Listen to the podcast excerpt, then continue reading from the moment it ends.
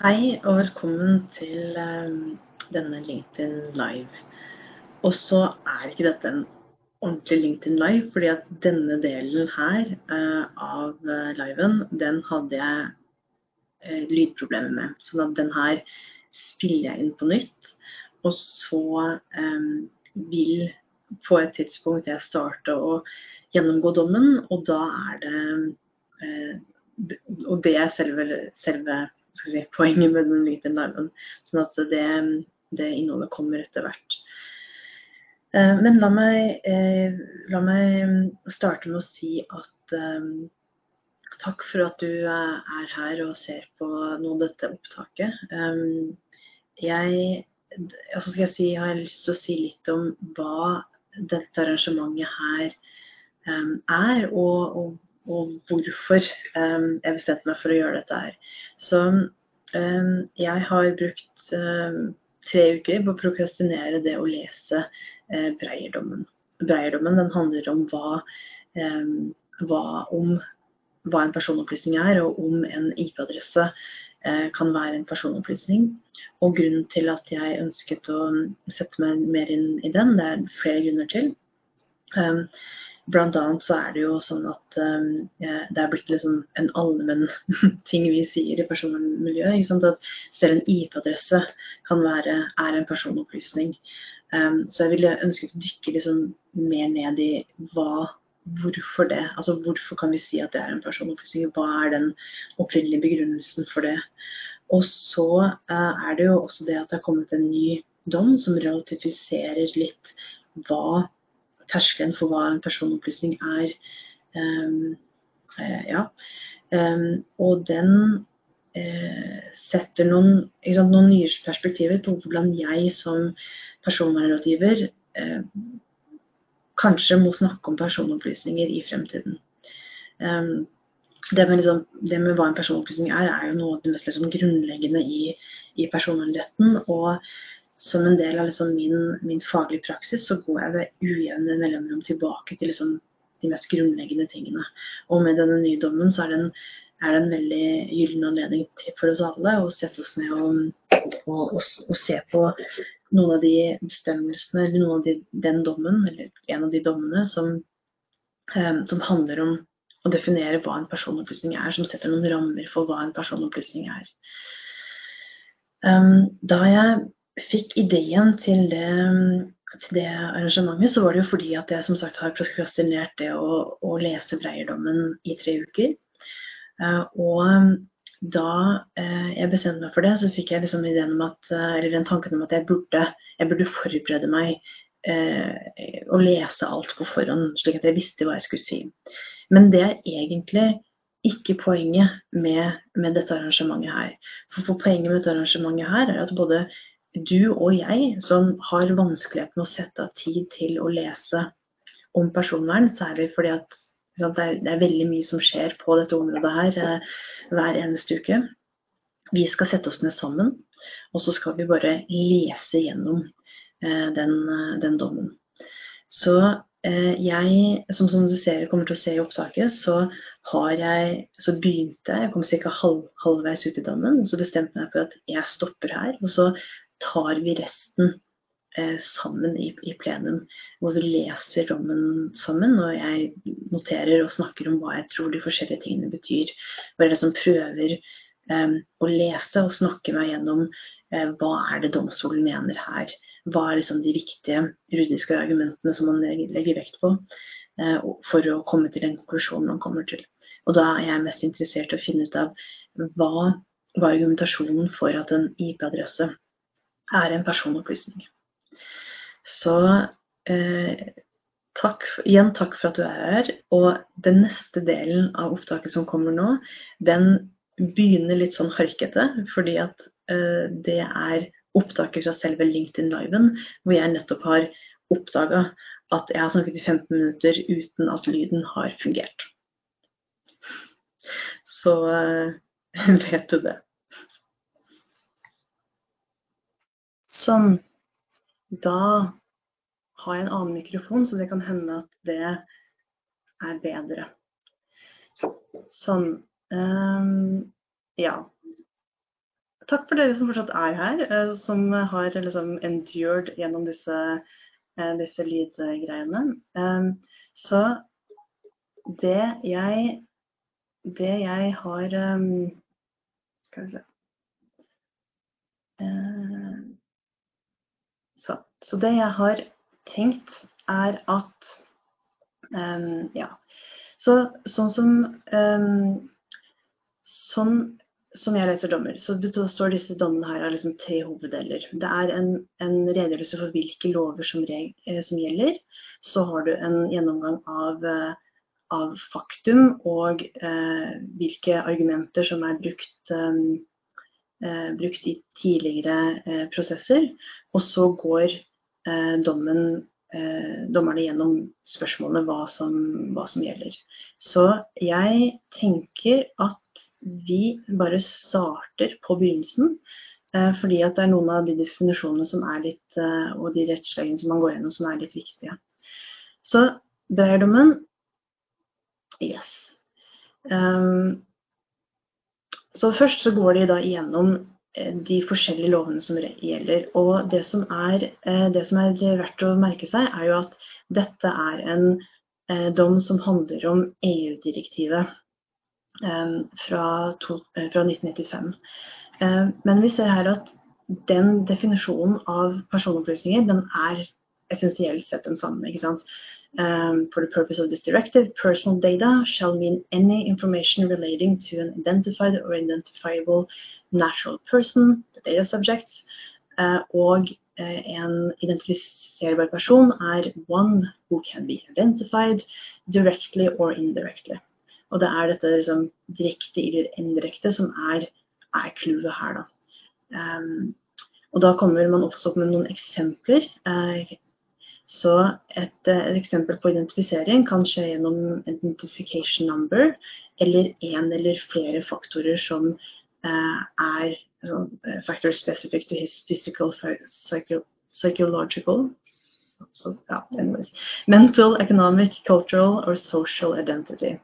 Og dette kjenner vi igjen fra at uh, med indirekte så mener vi sant, gjennom identifisering gjennom et løpetall. At uh, mitt Jeg pleier å bruke eksempelet som at uh, mitt, mitt ansatte nummer hos uh, Soprasteria, der jeg er ansatt, Eh, det er, eh, der er det en kobling mellom ansattenummeret og meg som person.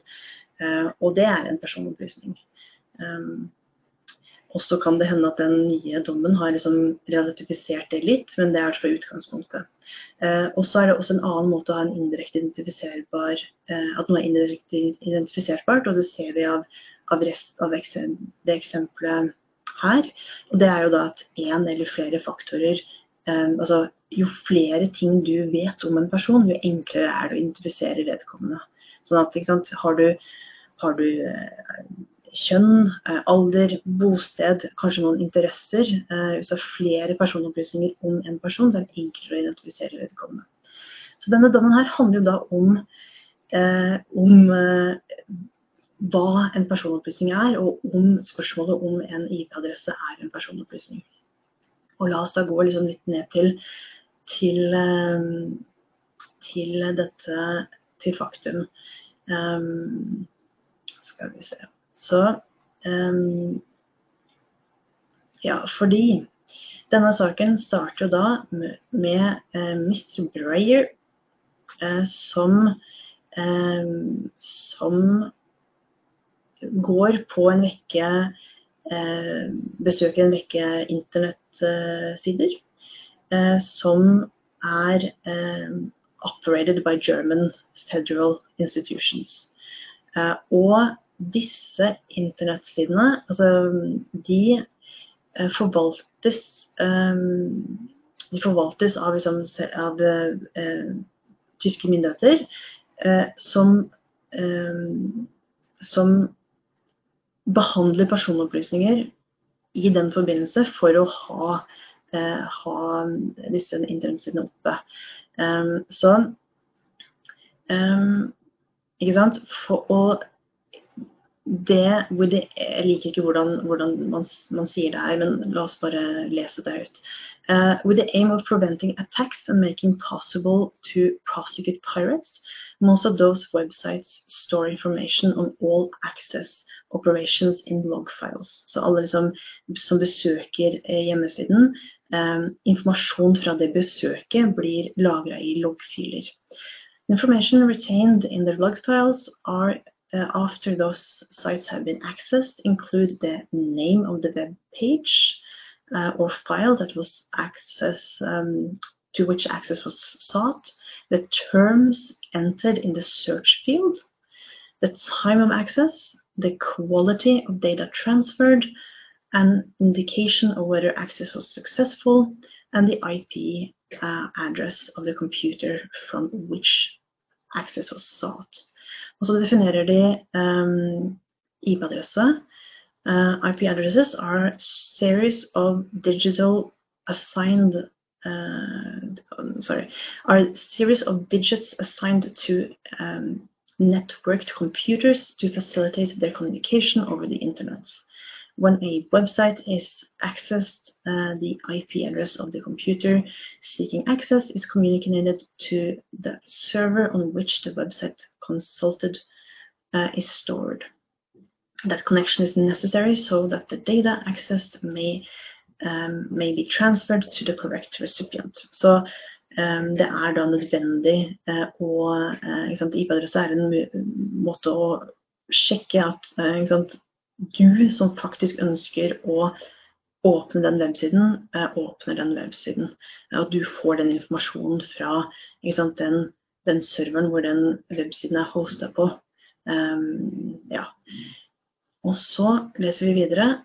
Furthermore, it is clear from the order for the reference and the documents before the court that Internet service providers allocate to the computers of Internet users either a static IP address or a dynamic IP address. Um, that is to say, IP address which changes each time there is a new connection to the internet. Unlike, så her så har de da eh, så sier de da forskjellen på stat, altså en dynamisk og en mer statisk IP-adresse. Um, så la oss fortsette å lese der. Unlike the static IP addresses, the dynamic IP addresses do not enable a link to be established through files accessible to the public between a given computer and this physical connection to the network used by the internet service provider. Så den syns jeg er litt vanskelig å skjønne, for jeg er jurist og ikke um, teknolog, så la man bare være, bruke litt mer tid på den. Så det vi sier her, er da at um, altså for det første så er det, har vi en Internet Service Provider, som er den, det, den entiteten, det firmaet, som gir deg tilgang til, til uh, sant, gir deg tilgang til Internett. Um, som gir da brukere av Internett enten en statisk eller en dynamisk IP-adresse. Uh, og en uh, dynamisk IP-adresse den endrer seg hver gang man um, logger seg på internett. Mens en Og det var en dynamisk, ja. Mm. Så Yes. Mens en statisk IP-adresse, det er den Da antar jeg at den, liksom, det er den samme hver gang. og en, det som er spesielt med en dynamisk IP-adresse, det er at den ikke do not enable a link to be established. Um, nettopp. Ja. Fortsatt ikke helt sikker på hva det betyr, men la oss uh, hoppe videre. Vi vet i hvert fall at uh, IP-adressa er uh, ja.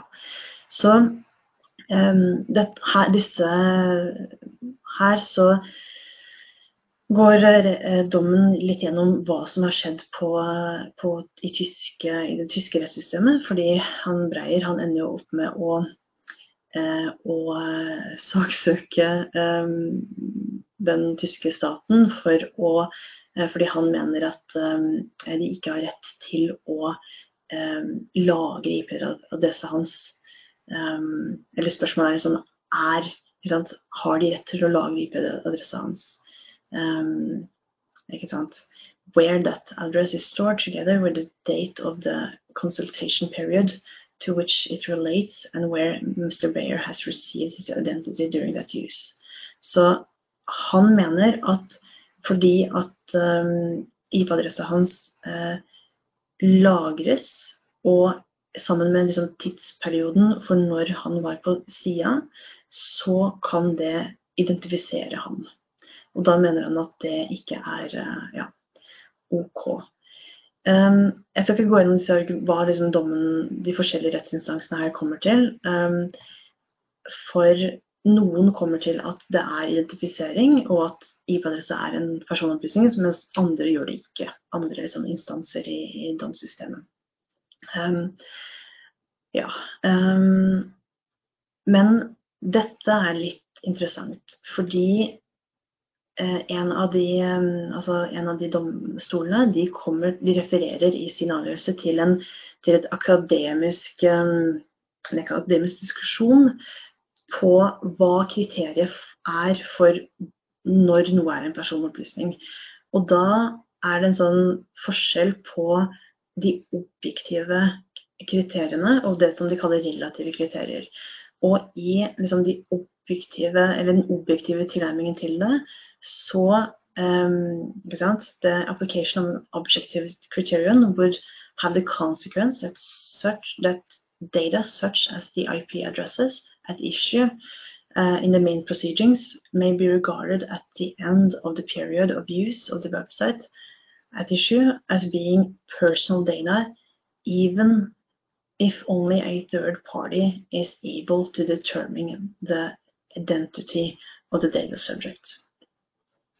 Um, and that third party being, in the present case, Mr. Breyer's internet service provider.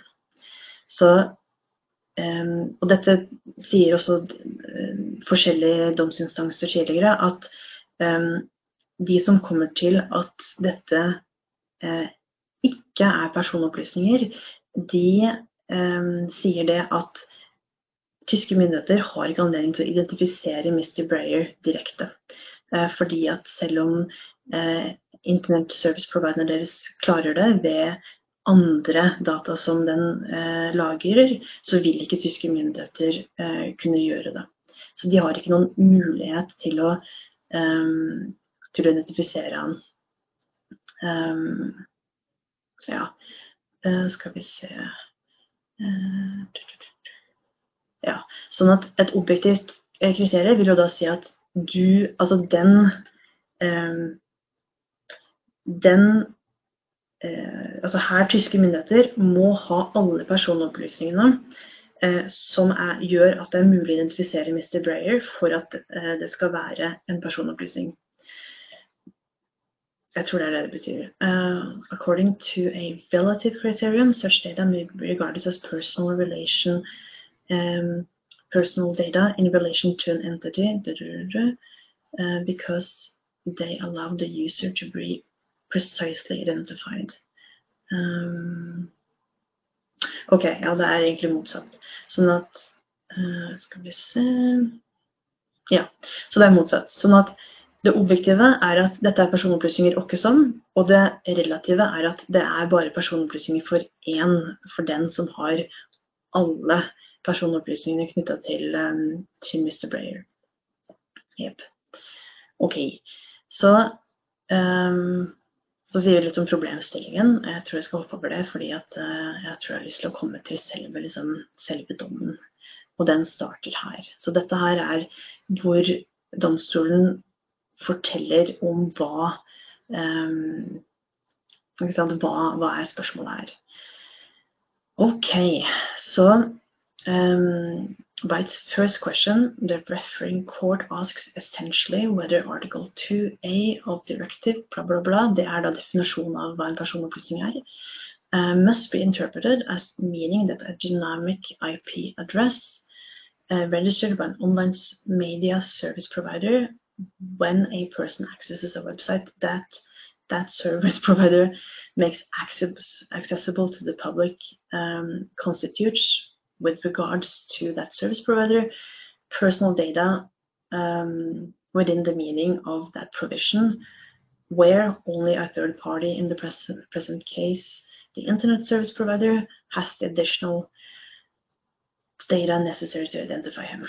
Så en munnfull der altså, men eh, la oss prøve å um, ikke sant, raffinere det litt. Så dette er jo da spørsmålet. Um, så da blir det da ikke sant, om, um, om en dynamisk IP-adresse uh, som er registrert hos en uh, online media service provider. Um, mm, mm, mm. Skal vi se Ikke sant. Om, nå skjønner jeg ikke helt hvem som er barn. Det, dette er liksom problemet mitt med noen av disse dommene. Sånn, setningene blir så utrolig, utrolig lange at det er vanskelig for meg som har lest igjen en del ganger, og bare få liksom oversikt over dem. Så mm. Uh, så OK.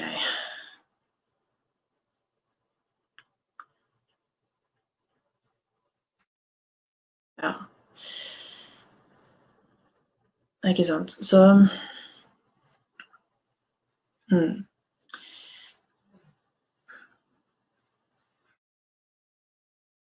Ja. Så, ikke sant uh, Ja. Og da er det OK, la meg bare begynne litt på nytt. Så om det er en personopplysning om en IP-adresse er en personopplysning i den situasjonen at eh, den registrerte får tilgang til en, en, eh, en internettside. Eh, ikke sant?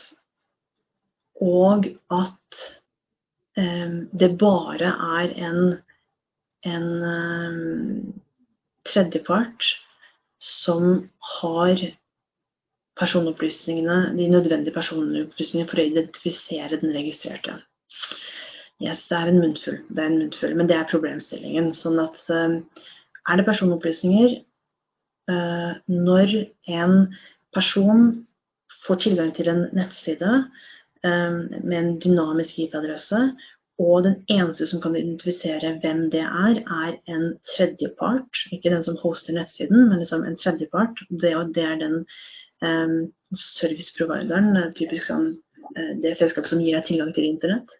Telenor eller whatnot du har. Um, og det er bare den tredjeparten som, har, uh, som kan identifisere vedkommende. OK, det var litt for å Det var en Ja. Så, um, så går det inn på definisjonen av personopplysning i artikkel 2a. Og da sier vi det at det er da any information relating to an identified uh, or um, identifiable. Så enten som du er identifisert, eller det er mulig å identifisere deg. Um, natural person, data separate en identify, og så gjentar de den definisjonen som var som vi gikk gjennom ovenfor, at du kan bli identifisert direkte eller indirekte. Uh, og så kommer de da med eksempler liksom, gjennom et, uh, det jeg kaller løpenummer, eller en, en, en rekke forskjellige um, personopplysninger. Ja, skal vi se um, OK. Og så refererer de til et, en annen domsavgjørelse. Og dette er sånn ting som Hvis du leser en del dommer, så får du kanskje en sånn måte du eh, Så får du kanskje det et system for hva, hva du eh, hva du eh, liksom, highlighter med hva. Så jeg pleier ofte å bruke blått på type um, referanser til ting. Så det bare gjør jeg nå. Så den rettskilden, uh, which considers uh, the interpretation of the same directive, um, the court held essentially that the IP addresses of internet users were protected personal data. Interessant. Because they allowed users to be precisely identified. Okay, Så det liksom kom de til i den, den dommen. However, that finding by the court related to the situation in which the collection and identification of the IP addresses of internet users is carried out by the service providers. providers? Så da, da nyanseres den den, eh, altså, um, hvor langt den dommen kan strekkes. fordi at den gjelder jo da en sak hvor, uh, hvor man bare så på, på service provideren, ikke, ikke den som hostet internettsiden. In the present case, the first question concerns the situation in which it is media, online media service provider, den som hoster internettsiden, nemlig the Federal Republic of Germany, for det er jo de som sant, i dette tilfellet eh, eier den internettsiden som Mr. Breyer har besøkt. Uh, which registers IP addresses of the user of a website that it makes accessible to the public without having the additional data necessarily in order to identify those. Så det her bare sier eh, domstolen hva, hva, situasjonen er her. Og Eh, det husker jeg ikke om går veldig tydelig fram i det vi leste ovenfor, men det som er greia, er jo at um, det, det, de kaller online media service provider, altså det, det tyske, den tyske forvaltningen som eier uh, som har web, websiden, de lagrer IP-adresse uh, av sikkerhetshensyn, bl.a. Um, ja. Men de har da som domstolen sier her, eh, ikke mulighet til å identifisere brukerne direkte. Um, ja. Furthermore, it is common ground that the IP addresses to which the national court refers are dynamic IP addresses. Det er dynamiske, ikke statiske, sånn at de endrer seg for hver gang du logger på. Mm. that is to say provisional addresses, which are assigned for each internet connection and replaced when subsequent connections are made and not static IP addresses, which are invariable and allow continuous identification of the device connected to the network. Mm -hmm. Yes. Um, the referring the referring court uh, first questions is, is based therefore on the premise first that data consisting in a dynamic IP address and the date and time that the website was accessed from that IP address registered by an online media service provider do not without more give the service provider the possibility to identify the user who consulted uh, consulted that um, uh, website during the period of use. And second, the internet service provider has additional data which, if combined with the IP address, would enable the user to be identified. Ja, igjen en svær munnfull. Uh, la oss prøve å bryte det opp litt. Um, skal vi se. The referencing clause first question is based on the premise first of the data consisting in a dynamic IP address and the date and time Um, ikke sant. Så her så sier de at um, det å ha en dynamisk IP, altså opplysningen dynamisk IP-adresse pluss dato og tidspunkt for når man, eh, noen den IP-adressa besøkte den nettsiden, um, det er ikke hvis du ikke har flere opplysninger, eh, så gjør det ikke do not give. Det gjør ikke det mulig å identifisere eh, vedkommende. Eh, hvis du ikke har flere personopplysninger enn det som er beskrevet.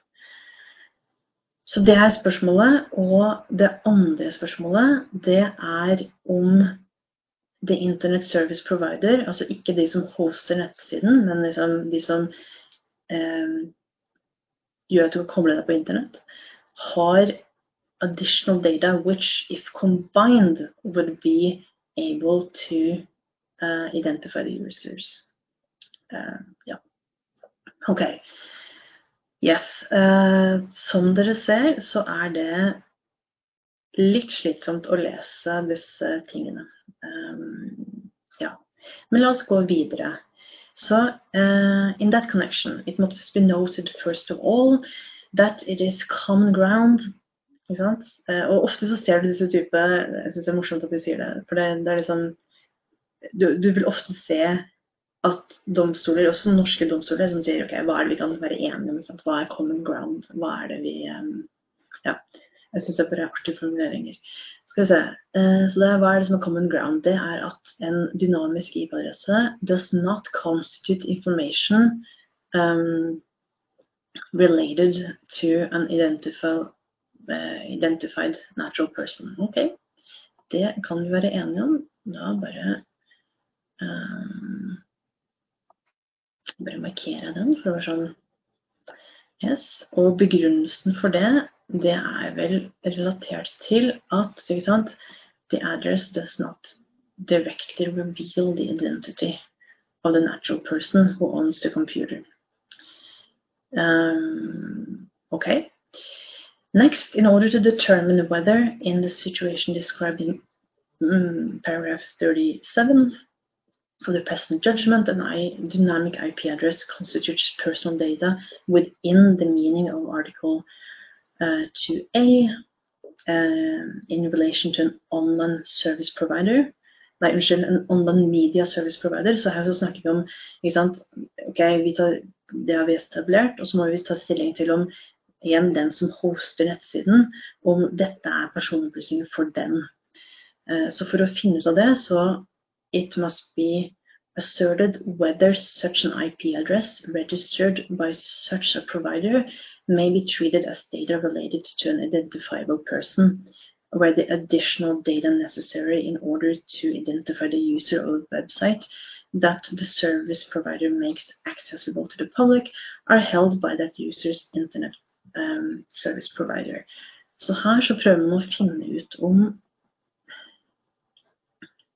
Her så tror jeg man prøver om um, om i det hele tatt the Internet Service Provider kan, kan identifisere um, den registrerte.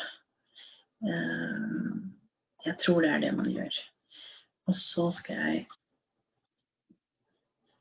um, Skal vi se Da må vi bare Skal vi se Ikke sant uh, where the additional data necessary in order to identify the user of a website uh, makes accessible help. ja, ja, så det jeg tror man prøver å si her, det er at man må også se på da om, om uh, dette er personopplysninger for liksom the Internet Service Provider. Og der tror jeg vi kommer til å komme til i hvert fall ja på den. Altså, Spør alert, dette er jo den dommen som sier liksom noe om hvorfor en personopplysning, hvorfor en IP-adresse er en personopplysning. Vi kommer nok til å komme til det, men liksom, ja. That connection, it is clear from the wording of Article 2A um, that an identifiable person is one that can be identified directly or indirectly. Yep, stating the obvious, but ja, det stemmer. Um, The use by the EU legislature of the world indirectly suggests that in order to treat information as personal data, it is not necessary that that information alone allows the data subject to be identified. Så det er et, uh, det er jo et um, viktig poeng at um, noe trenger ikke å um, Det er ikke den informasjonen alene som, eh, som, identifiserer deg, men det betyr ikke at det ikke er en personopplysning. Det var kanskje litt uh, kronglete sagt, men um, noe kan være personlig, uh, person, en personopplysning selv om man trenger tilleggsinformasjon for å identifisere um, identifisere vedkommende. Ja, ikke sant. Ja, det er det som indirekte betyr. Ja. Og her, så, For dere som ikke har lest så veldig mange dommer, så er jo dette et sånt eh, rettskildemessig, eller sånn metodisk, så er det veldig, veldig ikke sant, veldig ofte eh, at man tar utgangspunkt i selve ordlyden. Hva er det definisjonen av personopplysninger i her artikkel 2a, men eh, for GDPR så er det jo artikkel, um, artikkel 4. Eh, hva sier den? Skal vi se. Og her så refererer det jo da også til fortalen til direktivet. Så den skal jeg bare putte i blå, for det er jeg pleier å foretrekke. Eh, så det er en rettskilde som som de viser til. sånn Først så viser de liksom til ja, Hvis jeg skulle vært veldig sånn um, jeg, gjør ikke, jeg er ikke alltid så systematisk, men hvis jeg skulle vært uh, veldig sånn tatt på meg jusstudentaten, og det er jo veldig lenge siden, men da hadde jeg kanskje markert dette som en rettskilde. Og så hadde jeg markert igjen dette som en rettskilde. For, for først så har vi selve artikkelen, altså selve ordlyden. Og så vi, går vi til, um, til, fortalen til direktivet. En parentes her er at jeg nylig har lært at, uh, at i, sant, i, i, norsk lovtradisjon så ville vi kanskje så har vi ikke fortale åpenbart, men da har vi forarbeider. Så ofte så er det sånn eh, Fortalen det er eh, Kan du på en måte regne som, som forarbeidene, tilsvarende forarbeider, da. Eh, på norsk. Dette blir veldig nølete, folkens, men uh, that's also why we're here. Skal vi se uh, Yes. Så hva sier fortalen? Um, states that to determine whether a person is identifiable, account should be taken of all the means um, likely reasonably to be used either by the controller or by any other person to identify the said person. Dette er viktig. Dette kommer de inn på i den dommen som jeg refererte til sånn innledningsvis, den nye dommen som relativiserer det, det her. Så det er liksom Ja. Um, skal vi se, ikke til det, men dette, dette, er viktig. Så det man ser på for å finne ut om noe er, om en person kan identifiseres, det er jo da å se på eh, alle de eh, verktøyene som sannsynligvis og reasonably kan brukes for å identifisere en person. In so far as the recital refers to the means likely reasonably to be used by both controller and by any other person, its wording suggests that for information to be treated as personal data within the meaning of blah blah blah, it is not required that all the information enabling the identification of the data subject must be in the hand of one person. Yes, så her så sier de at uh, det er ikke um? De knytter det opp mot det som ordlyden 'likely uh, reasonably', og så sier de at det betyr ikke at alle de tingene, de personopplysningene som sammen kan identifisere en person, må ikke være hos én aktør, enten behandlingsansvarlig eller databehandler, eller en aktør da, som kan identifisere noen. Ja. The fact that the additional data necessary to identify the user of a website are held not by the online media service provider, but by the user's internet service provider does not appear to be such as to exclude that the dynamic IP address registered by the online media service provider constitute personal data within the meaning of article 2. Ja, det er en veldig sånn jussete måte å si det på, uh, men den sier jo da at um, um, det Altså, det her betyr ikke at dette ikke er personopplysninger. er veldig kort fortalt det, det de sier her. However, it must be determined whether the uh, possibility to combine the dynamic IP addresses with the additional data held by the service provider, the internet service provider constitutes a means likely reasonably. Um, ja, så her så sier de at det vi må se på, det er er det um, likely reasonably, altså uh, ja, gidder ikke oversette det akkurat nå, um, kan vi liksom forvente at um, personopplysninger kan sammenstilles på en sånn måte at den registrerte kan identifiseres. Eh, og da har uh, The Advocate General kommet med en utdannelse, så da er det en ny kilde som liksom eh, jusstudenten i meg har lyst til å eh, understreke. Så han sier at that would not be the case if the identification of the data subject was prohibited by law um, or practically impossible uh, on account of the fact that it requires a disproportionate effort in terms of time, cost, and manpower, so that the risk of identification appears in reality to be significant. Okay.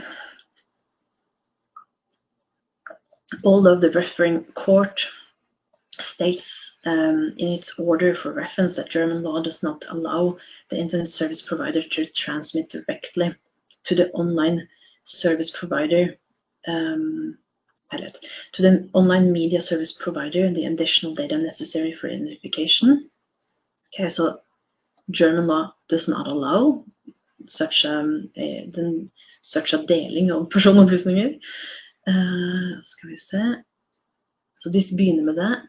It seems, however, subject to verifications to be made in that regard by the referring court that, in particular, in the event of cyber attacks, uh, legal channels exist so that the online media service provider is able to contact the competent authority so that the latter can take the steps necessary to obtain the information from the serv internet service provider and to bring on criminal proceedings.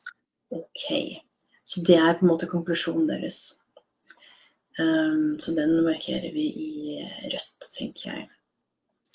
Så da har de kvalifiserte at liksom um, den deling av den informasjonen mellom da de som um, sant, eier nettsiden, og de som ikke sant, Internet Service Provider, de som gir tilgang til, til uh, Internett.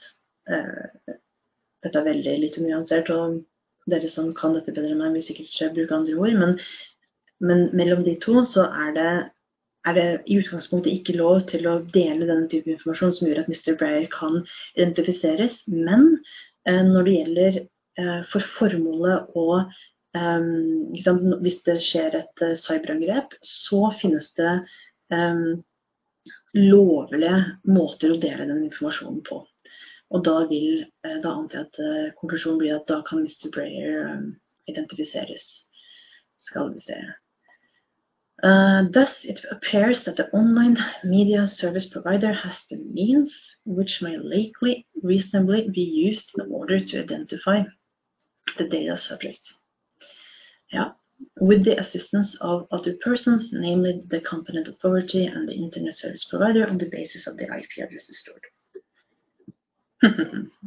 Having regard to all the foregoing uh, considerations, the answer to the first questions is that um, uh, Article 2 must be interpreted as the meaning that a uh, dynamic IP address registered by um, registered by an online media service provider when a person accesses a website that the provider makes accessible to the public constitutes personal uh, uh, Uh, uh, uh, constitutes personal data within the meaning of that provision in relation to that provider where the latter has the legal means in which able to identify the data subject with additional data um, which the internet service provider has about that person.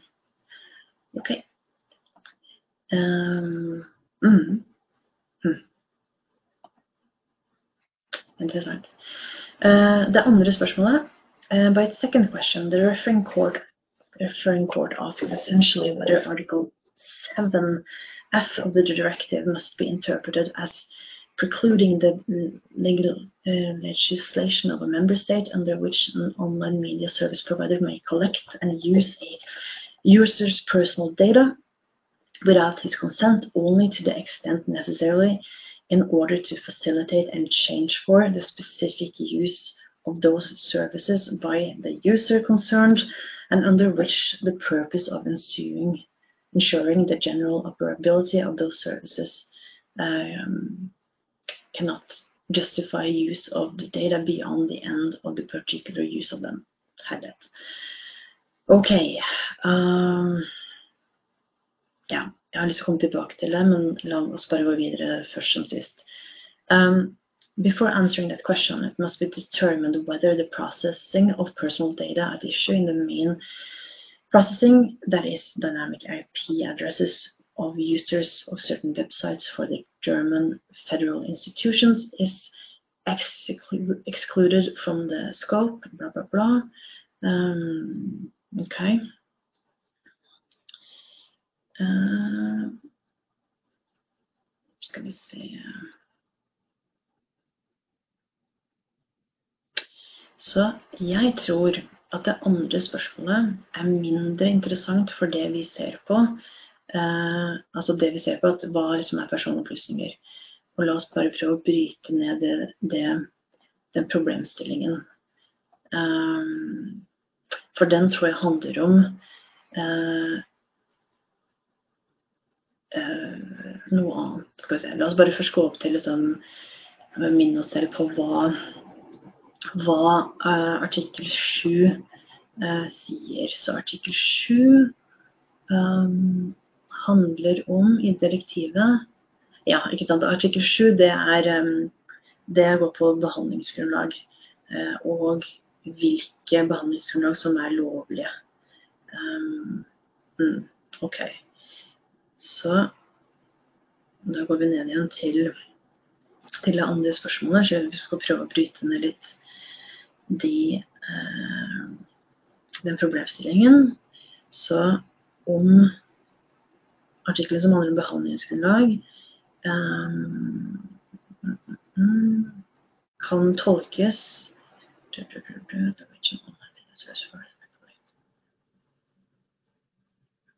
Ja, ikke sant. Så den, den, handler om behandlingsgrunnlaget, og om det er lovlig for en, en, en online media service provider, altså basically eh, tyske myndigheter som, som eier denne websiden, eh, at de kan eh, behandle personopplysningene til, til Mr. Breyer uten hans samtykke, eh, så lenge det er nødvendig eh, in order to facilitate osv. Um, jeg pleier ofte å bruke, liksom, Når vi snakker om formålet, så bruker jeg ofte grønt Uh, men jeg er ikke veldig systematisk på disse tingene. Men uh, la oss bare markere uh, Nei, jeg vil ikke markere det grønt. Um, ikke sant? Så hvorfor skal man gjøre dette? Uh, skal vi se Ja. Ikke sant? For da er the purpose of ensuring the general operability of those services. Um, ikke sant? Da er det så det er spørsmålet om, um, om hvilket behandlings... For det hadde man sagt at ja, det er personopplysninger, og så går man da til behandlingsgrunnlaget.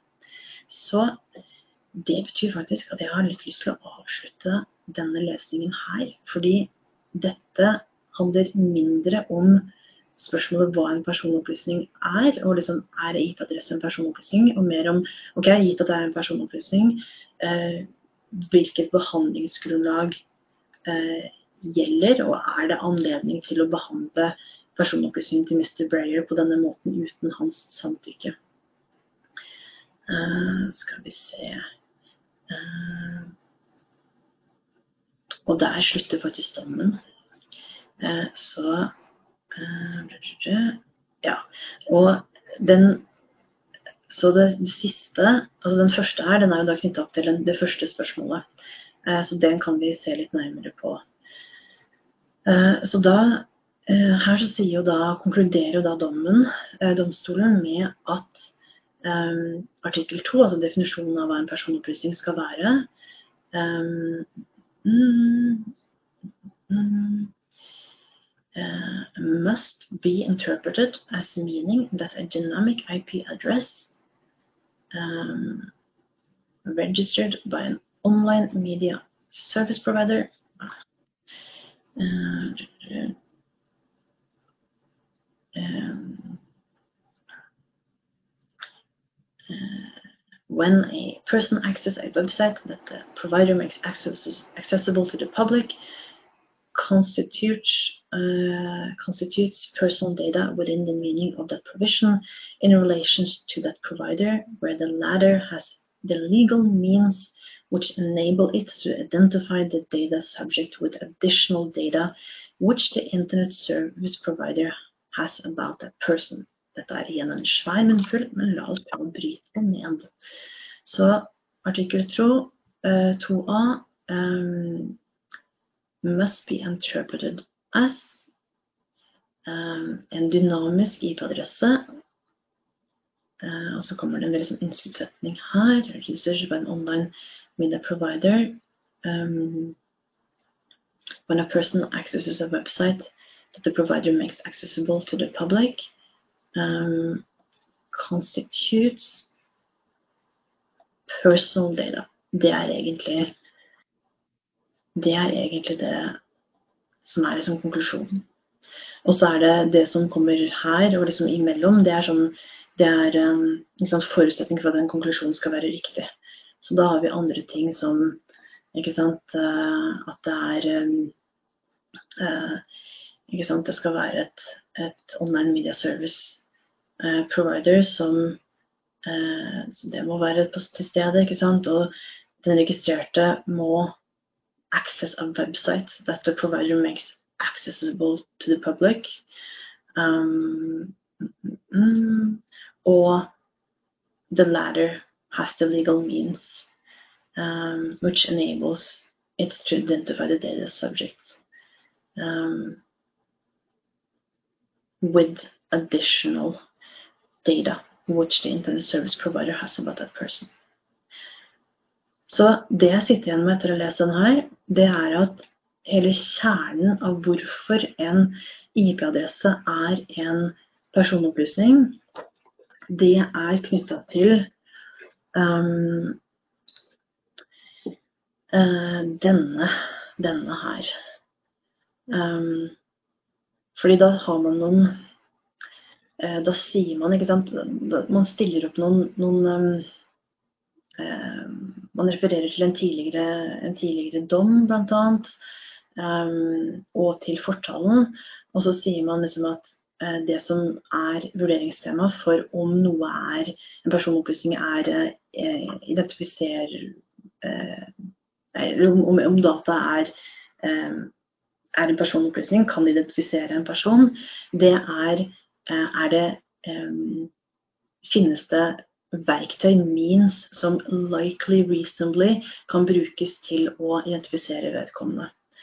Um, og da sier man her at hvis det finnes noen um, Er behandlingen eller overføringen av dataene, eh, deling av dataene, uh, prohibited by law eller practically impossible, Um, man sier også at liksom det, om det tar en disproportionate effort in terms of time, cost and manpower, så er da risikoen for identifisering uh, in reality insignificant. Og det betyr at det, man kan si at det ikke er, ikke er personopplysninger.